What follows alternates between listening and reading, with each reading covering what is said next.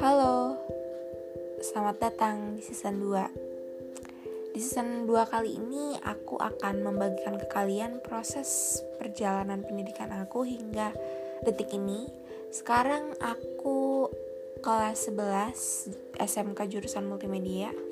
Dan seperti yang kalian tahu memilih jurusan itu bukanlah sesuatu yang mudah sama ketika kalian memilih jurusan untuk masuk ke perguruan tinggi. Dan sayangnya aku udah merasakan hal itu tahun kemarin. Dan itu bukan masuk ke perguruan tinggi. Itu hanya masuk ke sekolah menengah.